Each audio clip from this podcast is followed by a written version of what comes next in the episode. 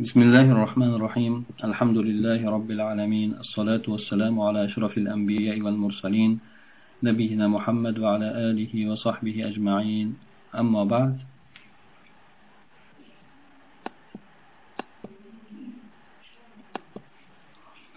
fiqh aqlliyot kitobidan bo'layotgan darsimizda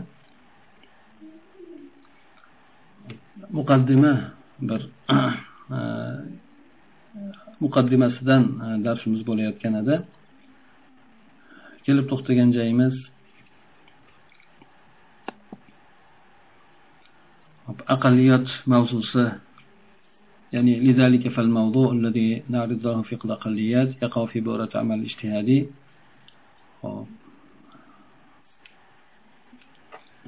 shu yerga kelib to'xtadik vallohu alam ya'ni shuning uchun deydi biz fiql aqalliyot deb bayon qilayotgan mavzu bu ijtihodiy amal doirasiga tushadi chunki bu hukmlarni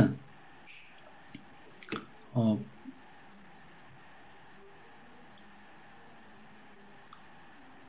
لأنه يشكل محلا لتنزيل الأحكام مختلفا كثيرا يعني bir hukmlarni nozil qilishlik voqelikka yoki o'sha masalanishga e, nozil qilishlik e, mahallini shakllantirar ekan bu ishtihodiy bu yerda bo'lgandan keyin o'sha kelgan hukmlarni o'sha voqelikka tushirishlik ham bu e, o'shani shakllantiradi deydi. Bu narsa hop avvaldagi bo'lgan holatlardan ko'pincha farq qiladi. Hm? Ko'pincha farq qiladi. Sababi holat o'zgarganligi avvalda bunaqa holatlar ehtimol sodir bo'lmaganligi yangi yangi e, shakllarni yuzaga keltirib chiqarganligi uchun bu narsalar ko'pincha ijtihodiy amal doirasiga tushib qoladi. Biz yana uni oldida bir to'xtab o'tishlikni bir tanishib o'tishlikni iroda qilayotgan boshqa bir masala ham bor. Bunga imkoniyat yetarli bo'ladi deb o'ylayman deydi. Hamda biz harakat qilamizki o'sha narsaga biz e, haqiqatni ochiqlab berishlik uchun yoki bo'lmasa haqiqatni bir chetlarini ochiqlab berishlik uchun zarur deb bilgan e, ba'zi e, yorug'liklarni ochiqlamaliklarni unga aytib o'tishligimiz yoki tashlashligimizga harakat qilamiz deydi. Bu mustalah aqalliyat degan atama bilan hamda yoki ozchilik ko'pchilik degan tushuncha mana shu narsalarga biroz e, e, tushunchalik kiritib o'taylik deydi. Sababi bu masala o'zi asli haqiqatida ya'ni ozchilik ko'pchilik degan yoki ozchilik e, atamasi bu narsalar o'zini haqiqatida nisbiy masaladir. Bunda hukm nazar qilishlik baho berishlik natijalar me'yorlari bunda bir biridan farqli bo'ladi. Avvalo biz ko'ramizki hop bu yerdagi ish unga odamlarni boshlari bilan boshlari bilan e, hukm qilinmaydi yoki bo'lmasa e'tiborsiz tashlanib qo'yilgan e, ko'pchilik yoki miqdor mana shu narsalar bilan ham hukm qilishlik mumkin bo'lmaydi. Ya'ni bu odam yuzta ekan yoki bu o'ttizta ekan bular demak ko'pchilik ekan bular ozchilik ekan degan narsa bilan bo'lmaydi bunday qilib olinmaydi. Beti yoki bo'lmasa biz aytiladigan bekorchi bo'lgan kalkallul e, muattal ya'ni bekorchi bo'lgan ko'pchilik deb ataladigan narsa bilan ham mumkin bo'lmaydi. Ya'ni bular ya'ni oyatdan keltirib iqtibos qilib keltirilgan ekan. Ya'ni qayerga jo'natsang ham bir yaxshilik olib kelmaydigan. Ya'ni umuman bir foyda keltirmaydigan e, bekorchi bo'lgan e, odamlarni ko'pligi bilan ham bu narsani ko'plik ekan deb yoki ozchiligi bilan ozchilik qolganlarni ozchilik ekan degan narsa bilan hukm qilishlik mumkin bo'lmaydi deb o'ylaymiz deydi.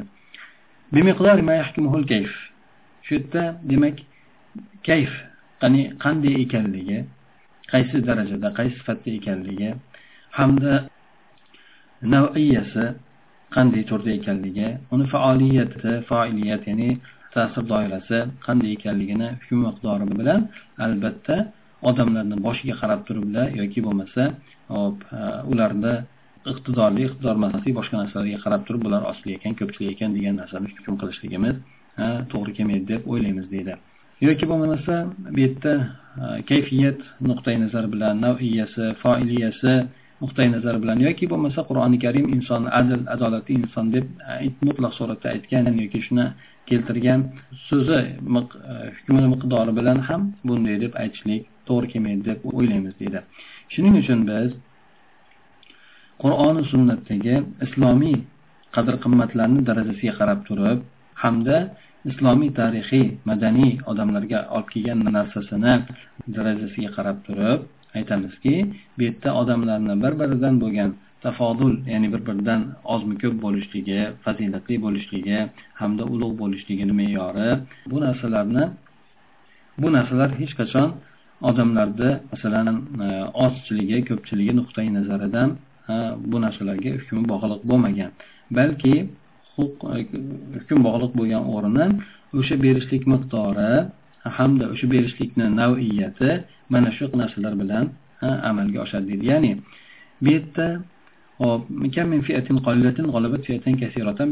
masalan ozchilik ko'pchilikni ustidan g'alaba qiladi allohni izni bilan deydi. Bu yerda hop ozchilik ko'pchilik miqdori soniga qarab bo'lmaydi endi bu yerda. Bu yerda uni o'sha nimani ichidagi bo'lgan misol tariqa hisob ko'radigan bo'lsak askar bo'ladigan bo'lsa askarni qanday tayyorgarlik ko'rishligi o'sha narsa ko'proq hal qilib beradi. Ularda ichidagi bo'lgan axloq boshqa narsalar tayyorgarlik shunaqa narsalar ko'pincha hal qilib beradi. Odamlarni boshida sanog'ini ko'pligi ularga demak nusratni olib kelavermaydi ekan balki nusratni kelishligi odamlarni ko'pchiligi ya'ni ko'plik bilan birgalikda albatta birinchi o'rinda o'sha ichidagi bo'lgan sifat qanday darajada ekanligi shu narsa ko'proq muhim bo'lar ekan. Mana qur'oni karimda miqdorda aytilgan al akrom val atqo ya'ni eng mukarram bo'lgan kimsa eng taqvodor bo'lgani. Demak akrom bo'lgani ulug'roq bo'lgani bu yerda ozchilik ham emas ko'pchilik ham emas. Demak bu yerda sanoqqa uncha qaralmaydida birinchi sifatda o'sha ichidagi bo'lgan sifatga qaralar ekan. Sanoqqa emas ko'pincha o'sha ichidagi bo'lgan sifatga qaralar ekan. Demak taqvo ham o'sha odamni ichidagi bo'lgan xususiyatidan xususiyatdan kelib chiqadi. Uni narsasini ko'p ilmini ko'pligi yoki ilmini ozligi boyligini ko'pligi boyligini ozligi bunaqa narsalar bilan o'lchanmaydi ekan balki hattoki amalini ko'p ozligi bilan ham emas balki amalini qaysi suratda qanday suratda sifatli ekanligi bilan bu narsa o'lchanar ekan. Bu oyatdagi maqsud qasd qilingan taqvo bu odamlarni o'rtasidagi bo'lgan bir biridan tafodil qilishlik bir biridan farq qilishligini me'yori kabidir. Shu kabi suratda mana shu oyatda taqvo aytib o'tildi. Bu jimaul amri kulli butun ishlarni majmua yig'indisi mana shu narsadir. Hamma narsani ham e, o'lchami o'sha ichidagi bo'lgan sifatni kayfiyatni e'tibori bilan bo'lar ekan. Buni sababi taqvo o'zini e, bir qancha bo'lgan tarmoqlari bilan u haq mezonni egallaganligini anglatadi. Hamda sog'lom bir qadr qimmatlar bilan ziynatlanganligini anglatadi.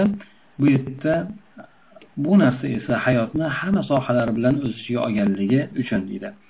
Va hamda o'sha hayot sohalarini hammasi bilan o'sha qanday muomala qilayotganligi mana shu narsalarni o'z ichiga olganligini anglatadi deydi. Demak taqvo o'zini juda turli tuman bo'lgan tarmoqlarga ega ekan. Bu tarmoqlari hmm, haqiqiy mezonni ega ekanligini anglatadi.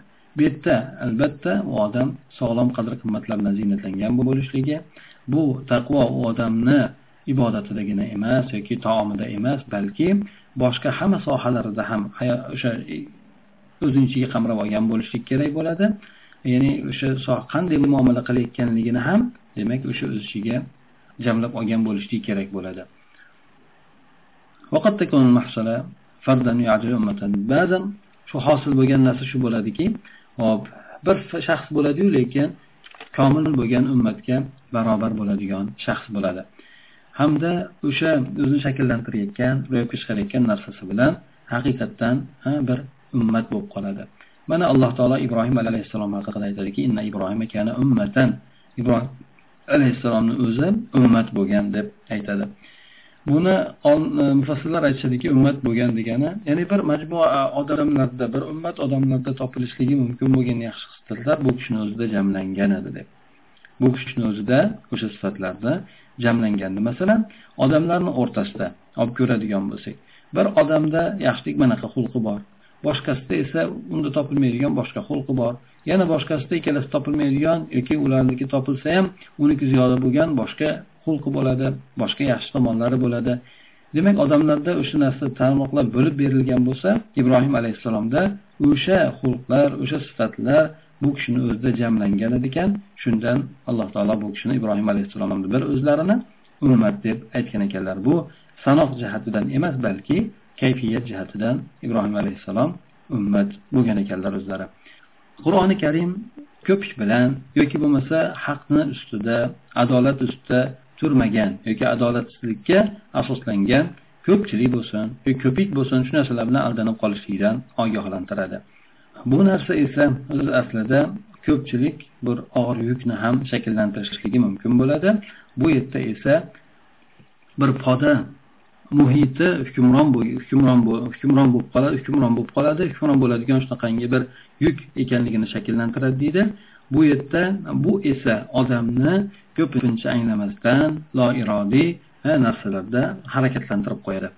Ya'ni ko'pchilikka suyanib turib inson bir narsalarni aniq bilmasdan turib yoki bo'lmasa o'shalarga suyanib turib loirodiy bo'lgan ishlarni qilishligiga insonni harakatlantirib qo'yadi. Mana shu narsadan qur'oni karim ogohlantirardi. Mana alloh taolo aytadiki siz yer yuzidagi ko'pchilik odamlarga ergashib ketadigan bo'lsangiz ularga itoat qilib bo'ysunib qoladigan bo'lsangiz bular sizni ollohni yo'lidan adashtirib yuboradi dedi. Bu yerda dolaldan ma'no zoya bo'lib ketishligi. Ular sizni ollohni yo'lidan zalolatga chiqarib qo'yadimi? Adashtirib qo'yishadi.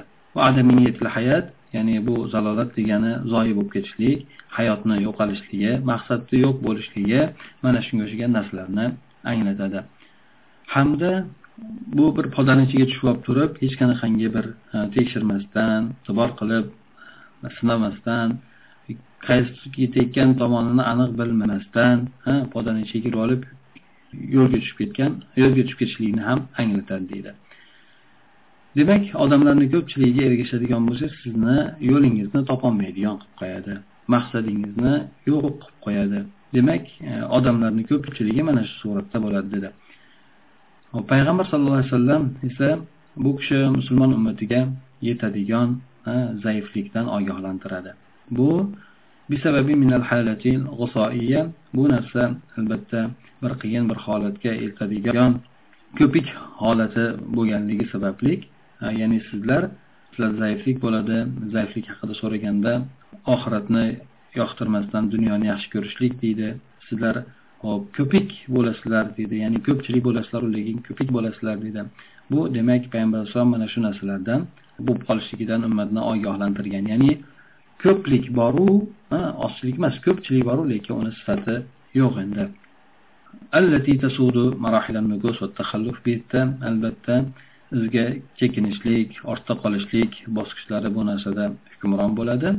Mana shunday bo'lgan e, o'sha ko'pchilik ko'pik bo'lgan holatda tushib qolishligidan ummatni ogohlantiradi. Bunda esa odamlar ishlab chiqaruvchi bo'lishligini o'rniga e, iste'molchi odamlarga aylanib qoladi. Ya'ni bu degani o'zlari ishlab chiqarmaydida boshqalarni ishlab chiqarganiga faqat iste'molchi bo'lib qoladi. Iste'molchi bo'lishligi bu odamlarni ortada qolishligiga sabab bo'ladi. Chunki ishlab chiqaruvchi davlatlar rivojlanadi. E, Iste'molchi bo'lganlar esa faqat iste'mol qiladi. Xolos ularda ishlab chiqarishlik rivojlanishlik bo'lmaydi. Ya'ni birovlarni qo'lida qo'liga muhtoj bo'lib qoladi qarab qoladi. Payg'ambar sallallohu alayhi vasallam demak aytganlar ya'ni ummatlar sizlarga yaqinda yopirilib keladi. Xuddi hop yemak o'zini taomiga yopirilib kelgani kabi. Ya'ni dushmanlar bu ummatga har tomondan yopirilib keladi. Xuddi ovqat och qolgan yemak yemak shunaqa o'laksaxo'rlar bo'lsin yoki bo'lmasa yemakxo'rlar bo'lsin o'zini idishiga qanday tashlangan bo'lsa sadaa degani bir birini chaqirib turib tashlanadi degani biri o'zi kelmaydi balki boshqalarni ham yetaklab keladi. Bir odam aytdiki shunda sahobalardan biz ochlik bo'lganimizdanmi o'sha kunda? Ochlik bo'lganimizdan shunday jur'at qilishadimi deganda payg'ambar alayhisalom aytgan ekanlar balki sizlar o'sha kunda ko'p bo'lasizlar lekin selni ko'pigi kabi ko'pik bo'lasizlar. Ya'ni sizlarni sanoqlilar bo'ladiyu sizlardagi bo'lgan kayfiyat sizlardagi bo'lgan o'sha mohiyat shunaqa narsalar sizlarda bo'lmaydi. Alloh taolo sizlarni dushmaninglarni qalblarida sizlardan bo'lgan qo'rqishlikni olib qo'yadi. Hamda sizlarni qalblaringizga esa zaiflikni tashlab qo'yadi degan.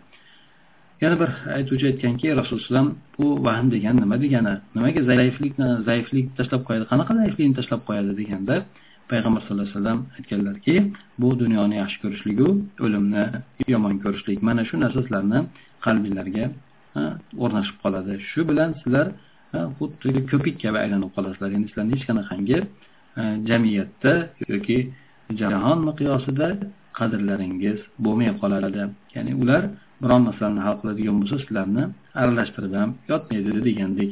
Chunki mana hozirgi paytda ko'pgina bo'lgan katta ishlar hech qanaqangi bir musulmonlarni ishtirokisiz dunyoviy bo'lgan ishlar musulmonlarni ishtirokisiz o'rtalarida hal qilinadi. Bu narsalarga musulmonlarni aralashtirmaydi ham musulmonlardan maslahat so'ramaydi ham. Bu demak u bitta davlatni o'zi qilmaydi balki dunyodagi bo'lgan bir qancha davlatlar qiladiyu lekin oralariga musulmonlarni aralashtirib qo'shishmaydi. Ulardan maslahatini yoki so'zlarini e'tibor qilib olmaydi. Mana shu demak ummatni ko'pikka aylanib qolganligi bo'ladi. Dushmanlar ulardan haybat qilmaydi hamda ularni qalblarida faqatgina dunyodan boshqa narsa bo'lmay qoladi. Bu shaxslarda emas balki ummatni aksariyatini ifoda qiladigan bu nimadir endi? Hadisdir. Oralarida ba'zi shaxslarda bu narsa bo'lmasligi mumkin lekin umumiy suratda ummatni shu ummatni boshga tushadigan holatlar mana shundan iborat bo'ladi. Bir arabiy shoir o'sha ko'pchilik bilan aldanib qolishlikni muolaja qilishlikka harakat qilgan ekan. Bu yerda ya'ni bu ko'pchilikka hech qanaqangi bir samara bermaydi uni hech qanaqangi bir faoliyati ham yo'q. Shunaqa bo'lgan ko'pchilik bilan aldanib qolishlikni muolaja qilishlikka harakat qilgan ekan.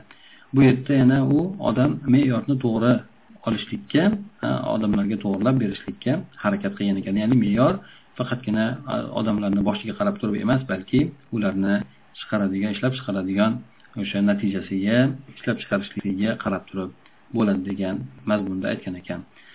Tayyarni ya'ni biz odam sanog'imiz ozchiligi bilan nima qilinamiz? Koyildik. Bizni odamni sanog'i oz deb biz koyildik. Ya'ni odamlar tomonidan har xil gap so'zlar eshitdik. Men ularga aytdimki innal kiromi qalil o'zi yaxshi bo'lgan odamlar oz bo'ladi dedim.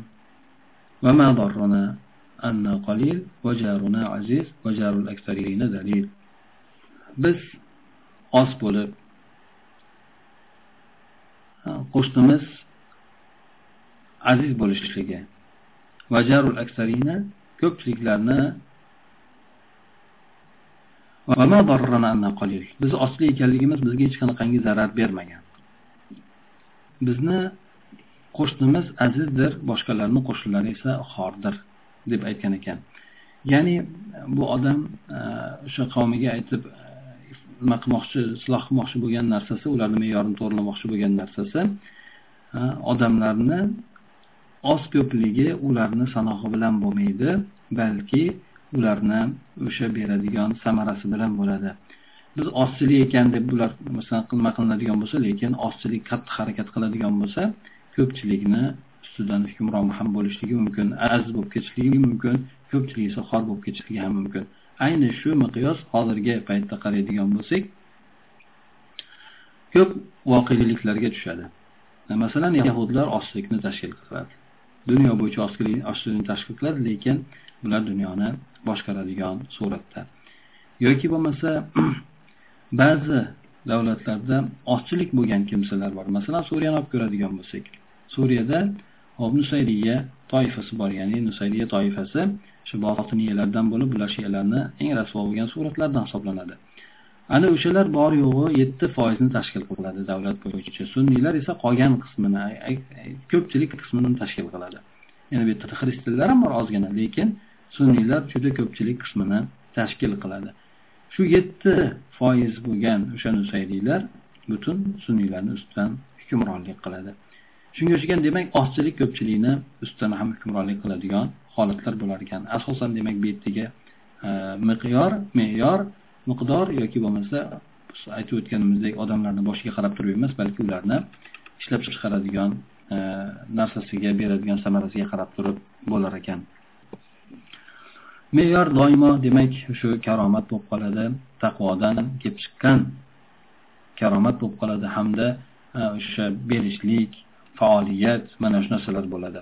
Bu odamlarni boshini sanog'i bilan emas yoki bo'lmasa o'sha harakatlanayotgan boshsiz harakatlanayotgan bir e, podani e, maydoni ham emas yoki bo'lmasa vahid yoki bo'lmasa bitta boshlik bo'lgan e, o'sha podani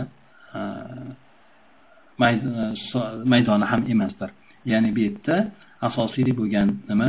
Odamlarni kayfiyatiga sifatiga e'tibor qilinadi. Ehtimol deydi men mana shu aytayotgan gapimga alloh taoloni ushbu so'zini nima qilib e, uzoqdan ishora qilib o'tishligim mumkin. Deb qancha qancha ozchilik toifa boru lekin allohni izni bilan ko'pchilik ustidan g'olib bo'lgan e, degan alloh taoloni oyati.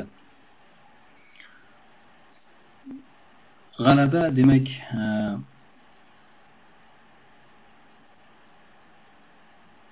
g'alabada askariy ma'raka ya'ni harbiy janglardagi g'alabada hop o'sha nimaga chegaralanmaslik chegarani yo'qligi ya'ni ozchilik ko'pchilik degan narsa. Bu narsada sababi g'alabat maydoni g'alaba maydoni zohir bo'lishlik g'olib bo'lishlik kurash hamda hadoriy hivor odamlarni bir birlar muhovara qilishligi hop ham mana shu narsalar. Al hayat bikulli as'idatiha butun hamma tomonlari bilan askariy bo'lsin siyosiy bo'lsin iqtisodiy bo'lsin saqofiy bo'lsin ijtimoiy bo'lsin tanammuviya ya'ni taraqqiy etishlik tomoni rivojlanishlik tomoni bo'lsin. Mana shu narsalari bilan va hop g'alaba maydoni butun hamma hayotni maydonni o'z ichiga oladi deydi. G'olib bo'lishlik hamma maydonni o'z ichiga oladi.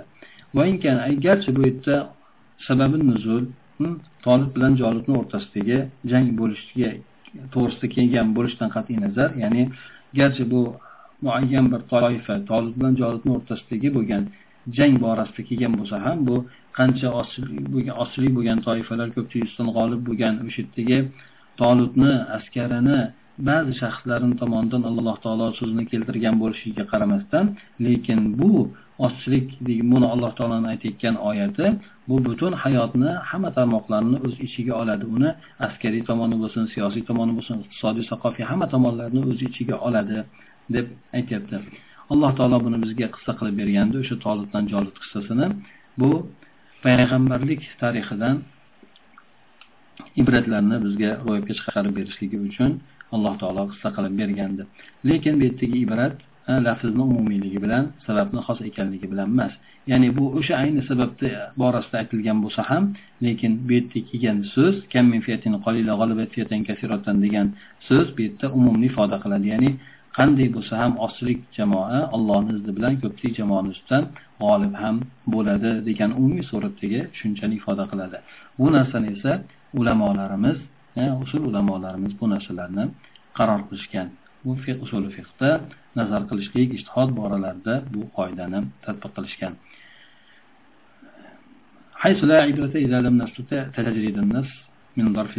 Demak agar biz hop nasni bir zamonni sharoitidan makonni yoki bir munosabatni sharoitidan xoli qilishlikka qodir bo'lmasak hmm, Xo'p, hamda o'shanga o'xshagan u sohalarda uni uni tatbiq etishlik. Mana shu narsalarga qodir bo'lmaydigan bo'lsak buni hech qanaqangi e'tibori yo'qdir endi. Demak shunday e'tibor yo'q bo'lgan o'rinlarda u aytiladiki lafzlarni umumiy deydi sabab xos bo'lishligiga qaramasdan lafzlar umumiy bo'ladi. Ya'ni ayni o'sha zamonni o'ziga xoslangan bo'lmasa unda bu narsalarni umumiy suratda olinaveradi.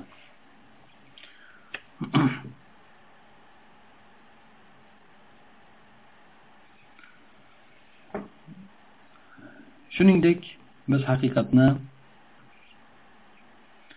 tarixiy jihatdan ham davom etayotganligini ko'ramiz. Bu yuqorida aytib o'tganlarimizni tarixiy jihatdan ham davom etayotganligini ko'ramiz. Musulmonlarni voqeligini badrdan ozgina oldingi bo'lgan voqeligini hamda o'sha paytdagi mushriklarni voqeligini bir qancha tomonlardan o'rgangan odam anglab yetadiki hop askariy bo'lgan g'alaba hamda hadoriy bo'lgan madaniy bo'lgan g'alabani keltirib chiqaradigan narsalari musulmonlarni tomonida bo'lgan edi ya'ni ozchilik tomonida bo'lgan edi bularni o'zlaridagi qobiliyatlari bularnidagi e, e, tabiatni turdagi naviy bo'lgan tabiatlari o'ziga xos bo'lgan tabiatlari ajrab turadigan aqidalari sababli musulmonlarni tomonida bo'lgandi g'alaba. Shuning uchun biz aytishlikka qodir bo'lamizki madaniyatga madaniyatli bo'lib turgan ko'pchilik saqofatga ega bo'lib turgan e, ko'rinib turishlik yoki bo'lmasa g'olib bo'lib turishlik yoki bo'lmasa izhor islom ala din butun dinlarni ustidan islomni g'olib qilishlik mana bu narsalar bu narsalarni ozchiligi ham ko'pchilik ham aniqlab berishligi mumkin bo'lmaydi. Ya'ni ozchilik ko'pchilik bu narsaga asosiy sabab bo'lishligi mumkin bo'lmaydi. Balki bu narsaga o'sha jamoani ichidagi bo'lgan qobiliyatlar alohida bir xususiyatlari alohida bir o'ziga xos bo'lgan o'ziga xosliklari mana shu narsalar bu narsani aniqlashtirib beradi. Mana shu narsani ro'yobga chiqarib beradi. Ya'ni Э, ya'ni islomni boshqa dinlarni ustidan g'olib bo'lishligi yoki madaniy bo'lgan g'oliblik saqofiy bo'lgan ma'rifat hukmronligi mana shu narsalar albatta odamlarni ko'pchilik ostida bo'lganligi bilan emas balki ulardagi bo'lgan qobiliyatlar o'zgacha xususiyatlar mana shu narsalar bilan ro'yobga chiqar ekan.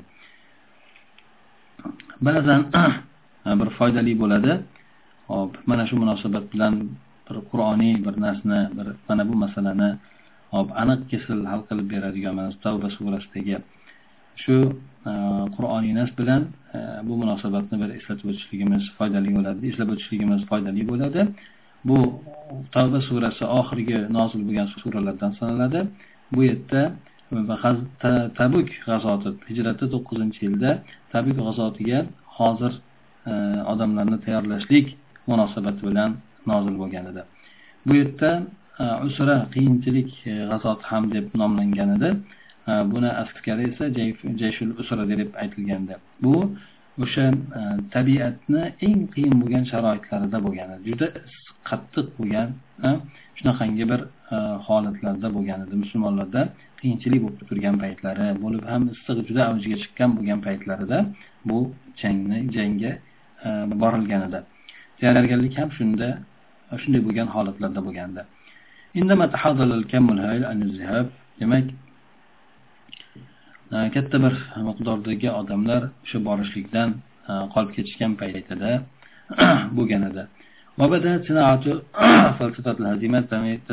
demak hop chekinishlik falsafasi bu zaif bo'lgan nafslarni o'ziga moyil qilib olgan edi demak o'zlarini ozchiligini qarab turib hech narsa bo'lmaymiz hech narsa emasmiz degan narsaga aylantirib qo'ygan edi ozchilik jamoa esa o'sha katta bir vazifani ijro etishlikka harakatlangan edi shunda payg'ambar sallallohu alayhi vasallam aytganlarki ya'ni tabarru qilishlik ya'ni ixtiyoriy suratda sadaqa berishlik ixtiyoriy hop e, hadyolar ixtiyoriy odamlar mablag' berishliklari. Mana shu narsalar to'g'risida payg'ambar alayhisalom aytganlarga aytganlarki